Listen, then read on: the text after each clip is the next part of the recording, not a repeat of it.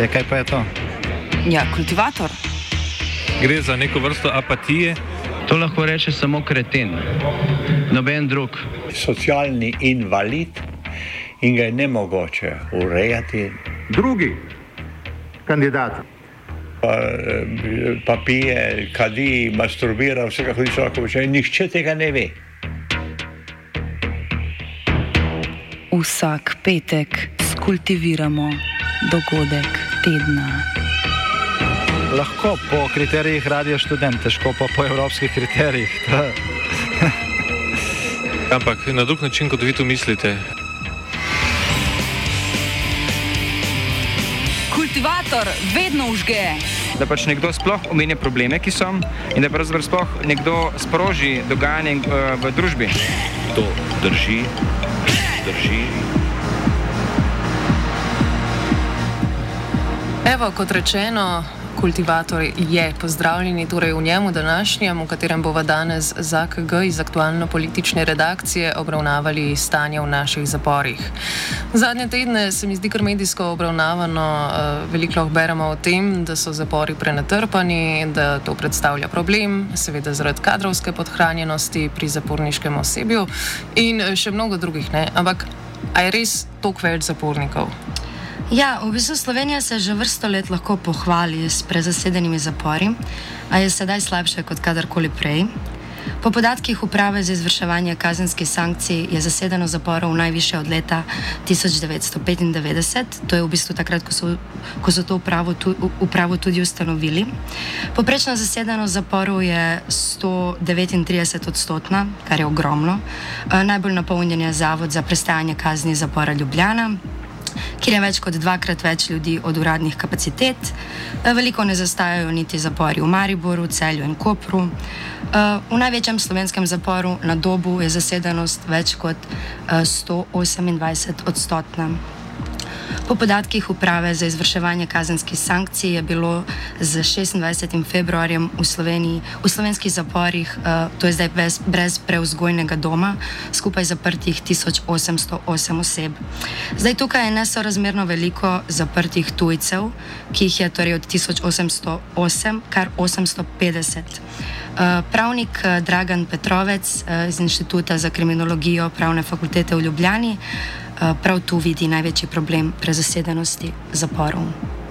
Po zadnjih podatkih je približno tretjina, mogoče že več, blizu 40 odstotkov eh, tujcev, od katerih je večina v zaporu zaradi tihotapstva oziroma zaradi prevoza beguncev, migrantov, kakorkoli jih poimenujemo, v glavnem slabšalno preko teh meja. Uh, to je zdaj glavna težava naših zaporov najprej samo sum. Potem mora pa steči kazenski postopek in v tistem kazenskem postopku, kolikor bolj se sum potrjuje, toliko bolj verjetna je pač obsodilna sodba in kazni so razmeroma visoke. Moj občutek slabo, jaz sem pred časom naredil čisto kratko analizo, bolje povedano pregled. Uh, in leta 1994, ko smo dobili nov kazenski zakonik v samostojni Sloveniji, je bila najvišja mogoča kazen tri leta uh, zapora za to kaznivo dejanje. Zdaj je 15 let, s čimer je izenačeno uh, z ubojem. To je popolnoma nesmiselno, kar pomeni, da ne samo, da so zapori natrpani, predvsem tisti, ki so obsojeni za to dejanje, dolgo časa ostanejo noter in že s tem zapolnjujejo in zvišujejo število zaprtih. To je nesmiselno, že zaradi posebno očitnega dejstva, da nas ne motijo toliko tiho tapci, kot nas motijo begunci. Tukaj v zadnji je seveda sovraštvo do beguncev. Kaj pa bi bile neke primerne rešitve? E, je bilo to že kaj verjetno mm, razmišljeno, analizirano? Ja. ja, ena od rešitev, ki jo navajajo, je tudi nov zapor za moške na, v Dobrunjah. Gre za 73 milijonov evrov težko naložbo, ki po desetih letih še vedno ni dokončana, čeprav zaključek gradbeni del ni več daleč. V novem zaporu bo prostora za 388 zapornikov, z njimi pa naj bi rešili dolgoletno prostorsko stisko obstoječega zapora na Povšetovi ulici. Petrovec sicer meni, da je potreba po zaporu legitimna, saj so razmere v zaporih hude. Leta 2013 pa je Evropsko sodišče za človekove pravice razsodilo, da so zaporniki v ljubljanskem zaporu tudi upravičeni do odškodnin zaradi prenatrpanosti. Uh, tukaj so legitimni razlogi, zato ker so razmere na Povšetovi, kjer je že desetletja popolnoma neprimeren zapor, uh, zaradi katerega Slovenija tudi plačuje kazni, ker jo mednarodne inštitucije in Evropsko sodišče jo obsodi. Um, zaradi teh nešloveških razmer. Uh, skratka, to je popolnoma utemeljen razlog za gradnjo novega zapora. Uh, to bi se moralo zgoditi že pred desetletji. Uh, istočasno je potrebno povedati, da je ta zapor predimen, predimenzioniran. Uh, pravim, zaupati je, da se s tem novim zaporom vsaj malo uredijo razmere v meč bolj civilizirani obliki prestajanja kazni. Preprosto povedano, zdaj je tlačeno veliko število ljudi v čist mečkanem prostoru, uh, kar ne ustreza minimalnim standardom in je po eni strani popolnoma razumljivo, da Slovenija plačuje odškodnine za tako ravnanje z obsojenci. Kandidatka za pravosodno ministrico Andreja Katič iz stranke socialnih demokratov je ravno danes pred odborom državnega zbora govorila o tej problematiki, a tudi ona meni, da nov zapor ne more zares odpraviti problema. Dosedanji ukrepi za izboljšanje razmer so se vršili predvsem v smeri premeščanja iz prezasedenih zavodov v manj prezasedene zavode. Ta ukrep, kolikor so mi sodelavci povedali, je izčrpan. Podane so bile tudi druge pobude za reševanje, o katerih, kot sem rekla, je potrebno pristopiti uh, in iskati rešitve z vsemi deležniki, z policijo in z ministrstvom za notranje zadeve. V proceduri je sicer novela zakona o izvrševanju kazenskih sankcij, ki se boje tudi interventne ukrepe za zagotavljanje varnosti v zavodih za prestajanje kazni zapora zaradi prezasedanosti, tudi zaradi pomankanja pravosodnih policistov. Izboljšanje bo na nek način prinesla izgradnja nadobestnega ljubljanskega zapora v Dobrunjah, a če bi bil že danes v uporabi, bi zaradi števila trenutno zaprtih oseb že presegli razpoložljive prostorske zmožnosti slovenskega zaporskega sistema.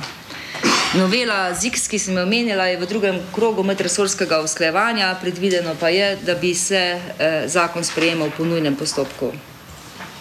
In predvsem tem, seveda, kot sem rekla, ne smemo povdariti tudi na kadrovske izzive, zlasti na pomankanje pravosodnih policistov, kot tudi na njihov položaj. So pa tudi zaporniki nedavno upozorili na uh, precej kritične razmere. V anonimnem pismu so jih uh, nazvali predvsem, pismo so pa naslovili na urad predsednice republike, predsednika vlade, ministrstvo za pravosodje, državni zbor pa več političnih strank. Tako, v pismu pa so zapisali, da se dnevni prilivi zapornikov povečujejo in povzročajo nespremljive pogoje prestajanja kazni obsojencev, saj so minimalni standardi, kot jih določa pravilnik o izvrševanju kazni zapora, že dolgo časa alarmantno, se že dolgo časa alarmantno poslepšujejo. Še posebej so poudarili slabe pogoje v večposteljnih sobah, kjer bi se po pravilniku vsakemu zaporniku moralo kjer bi moralo pripadati najmanj 7 kvadratnih metrov, imajo pa ga skoraj za polovico manj. Podobno slabo je tudi v sanitarnih prostorih, jedilnicah in drugih skupnih prostorih. Zaporniki so za izhod iz hude situacije, v kateri so se znašli, uh, videli pot v pomilostitvi, a Petrovec meni, da se to ne bo zgodilo. Ja, amnestija je odločitev parlamenta, da določenim skupinam obsojenih, najbrž po nekih kriterijih ali za določena kazniva dejanja, da se jim odpusti del kazni ali pa kazni v celoti. Zdaj, da bi pa šlo pri nas do amnestije, um, jaz v to resno dvomim, uh, zato ni kakšne politične volje. Um, tudi ne vemo, katere kategorije bi pa šle upoštev, vse jaz ne vem.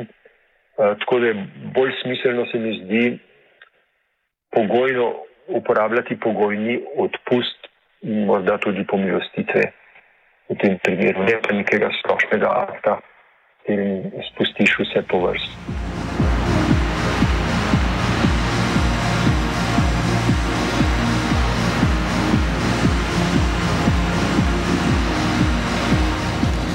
Se pravi, po eni strani država povečuje zaporniške kapacitete, ampak pol pa tudi trpa veliko več ljudi v zapore?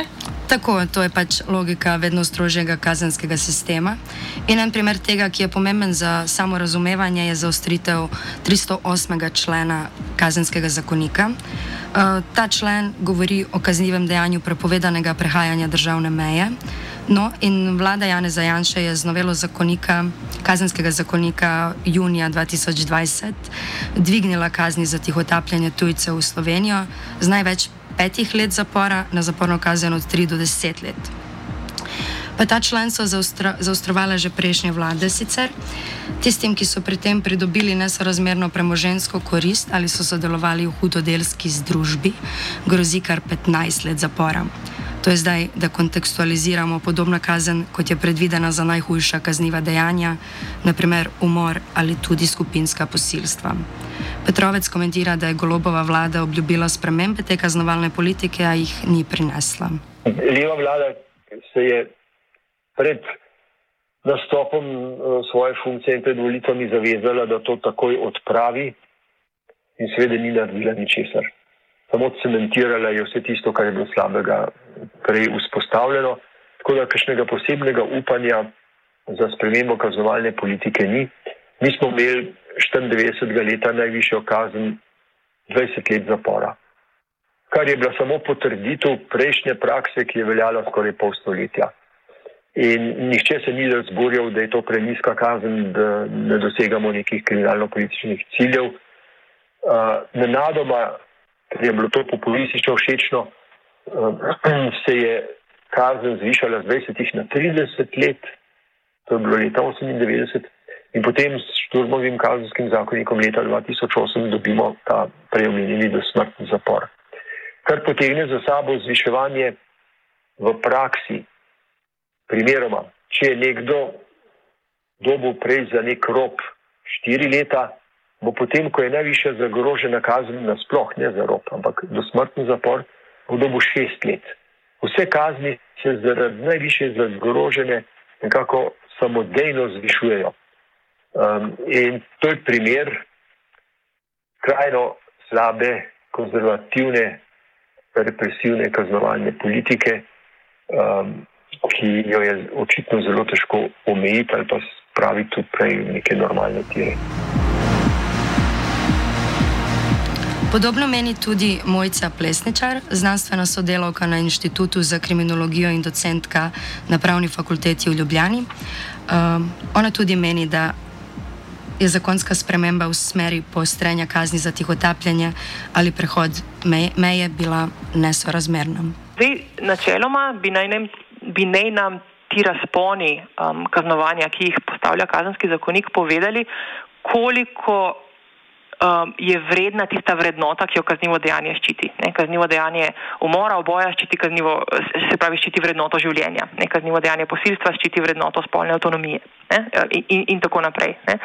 In zdaj, um, ti različni razponi ne bi nam dajali vedeti, kje nekje je ta vrednota na, na hierarhiji ne, lestvice vrednot. Um, običajno imamo zato ne, v vseh sistemih tako, da imamo najhujše kazni zagrožene za najhujša kazniva dejanja, to bi, bili, bi bile povzročitve smrti, še hujše pa recimo neka, neki genocidi um, ali pa zločini proti človečnosti in podobne stvari. Ne.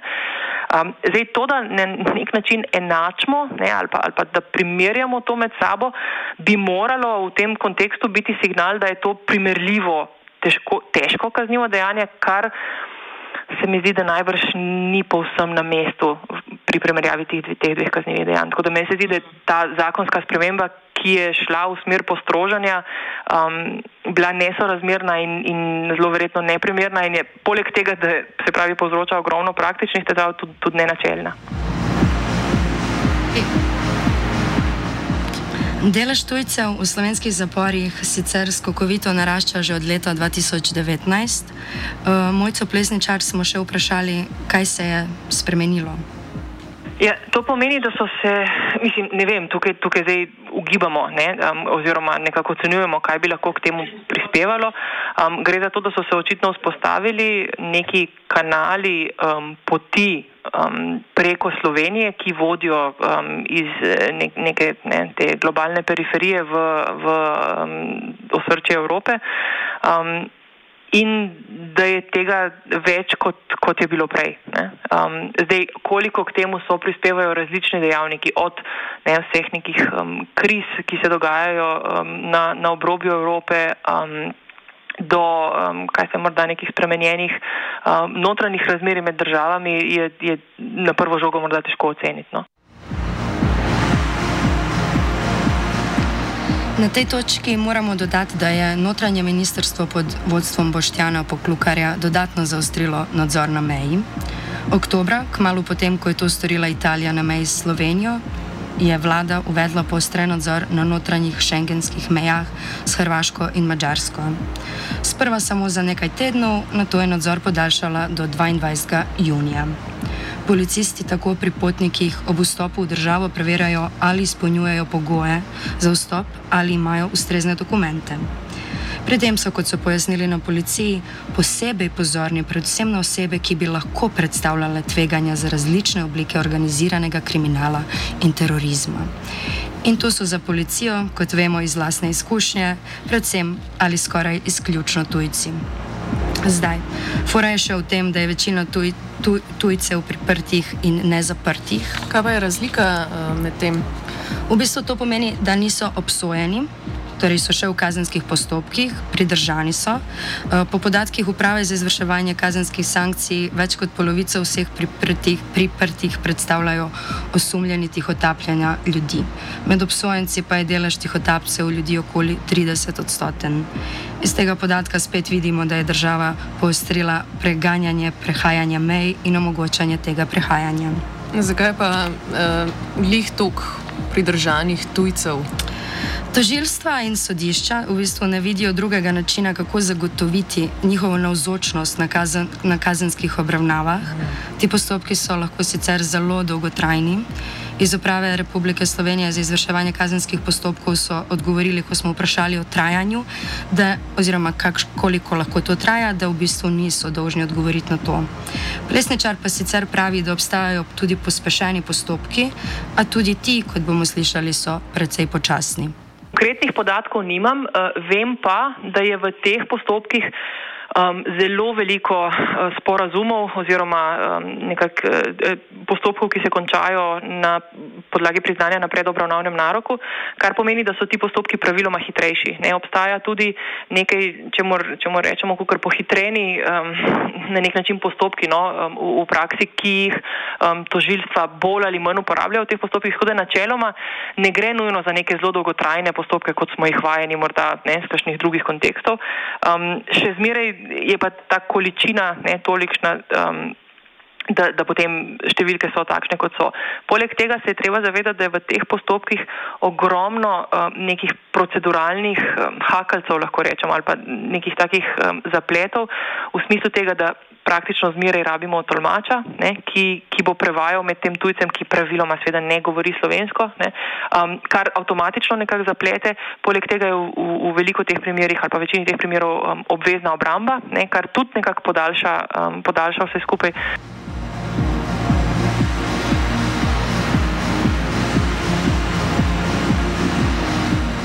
Če smo pa prej govorili, da gradimo nove zapore, um, da bi vanje zaprli vedno več ljudi, uh, pol gre to v bistvu lepo skupaj z ostrovanjem uh, kazni. Ampak ja, seveda pa pač tle pride ta kadrovska stiska uh, noter v smislu tega, da ima tudi osebje v zaporih vedno več dela. Tako v bistvu je cel skup novih sistemskih težav, s katerimi se zaradi tega bolj postrenega pregona tih otapljanja soočajo v zaporih.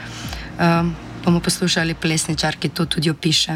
Ta, ta pojav, ne, do katerega je zdaj prišlo, um, je v našem sistemu povzročil res ogromno uh, tektonskih problemov. Ne. Mi imamo zaradi velike porasti tega kaznivega dejanja probleme na ravni policije, ki mora pač neke omejene resurse pošiljati na, na neke specifične lokacije oziroma se ukvarjati s temi stvarmi, kar pomeni, da je zelo neenakomerno obremenjena. Ne. Um, tiste policijske postaje, ki so recimo bliže južni meji ali pa nekje uh, centralni ali pa zahodni meji, ne so bistveno bolj obremenjene od nekih severnih. Enako velja za tožilstvo, ki se, ne, nekatera tožilstva se zdaj skoraj izključno ukvarjajo samo s tem kaznivim dejanjem in s pripori, ki so povezani s tem kaznivim dejanjem. Enako velja za sodišča, ne, ki so izjemno obremenjena in enako ali pa še največ verjetno pa velja za zaporski sistem, ne, ker zdaj praktično poka po šivih in se mora spopasti s tem, ker pač nima druge možnosti. Ne, v zapor pač ljudje pridejo in zapor mora nekaj z njimi narediti. Ne. Uh -huh. in, in ta prenatrpanost, ne, jaz mislim, da je v resnici ni nobenemu interesu. Ne. Vsi se z njo moramo ukvarjati ali pa morajo ukvarjati in nekaj narediti v razmerah, v katerih je težko kaj dosti pametnega narediti, brez da bi se kaj pomembno spremenilo. Um, in zdaj tukaj en delček tega mozaika predstavlja tudi ta zakonska sprememba, ki smo jo imeli, um, ko, ko se je povišal, um, se, pravi, se pravi, povišal se je minimum ne, um, mhm. za kaznovanja za to kaznivo dejanje, ki je povzročil, da so zdaj zaporne kazni skoraj nujne. Um, in te posledice v resnici šele zares prihajajo, ker če imamo zdaj večino pripornikov, ne bomo enkrat imeli tudi zapornike, ki bodo morali v zaporu um, preživeti relativno dolga, dolga časovna obdobja, ne, vsaj za slovenski kontekst.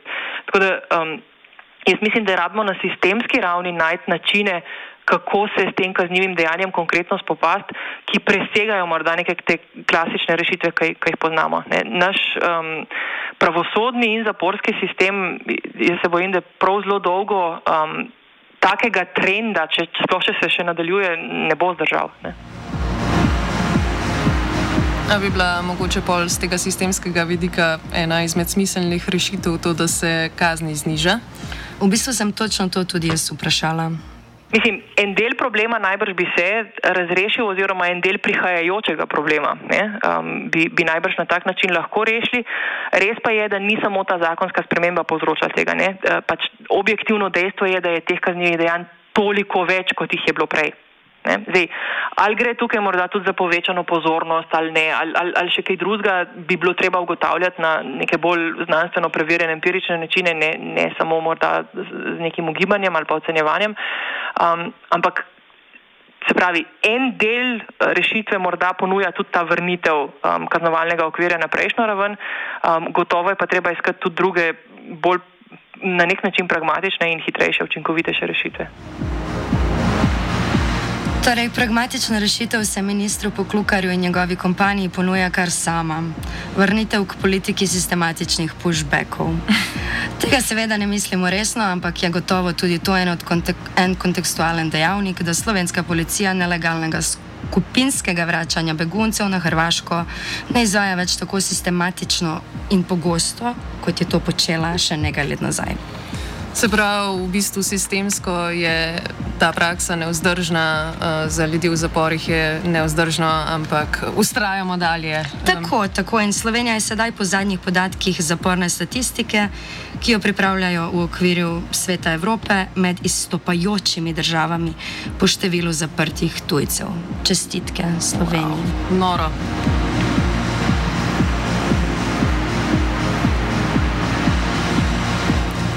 Še enkrat, ne Sloveniji, čestitamo, da se je pridružila uh, zaporniški krizi. Um, vsekakor eden izmed lepših sistemskih problemov, kar jih je videti uh, kjerkoli in kadarkoli.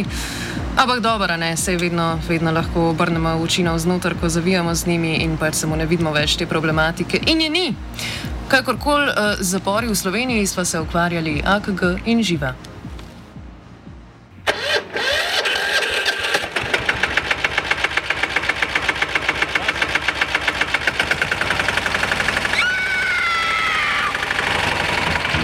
E, kaj pa je to? Ja, kultivator. Gre za neko vrsto apatije. To lahko reče samo kreten, noben drug. Socialni invalid in ga je ne mogoče urejati. Drugi kandidat. Pa, pa pije, kadi, masturbira, vse kako hoče, lahko reče. Nihče tega ne ve. Vsak petek skultiviramo dogodek tedna.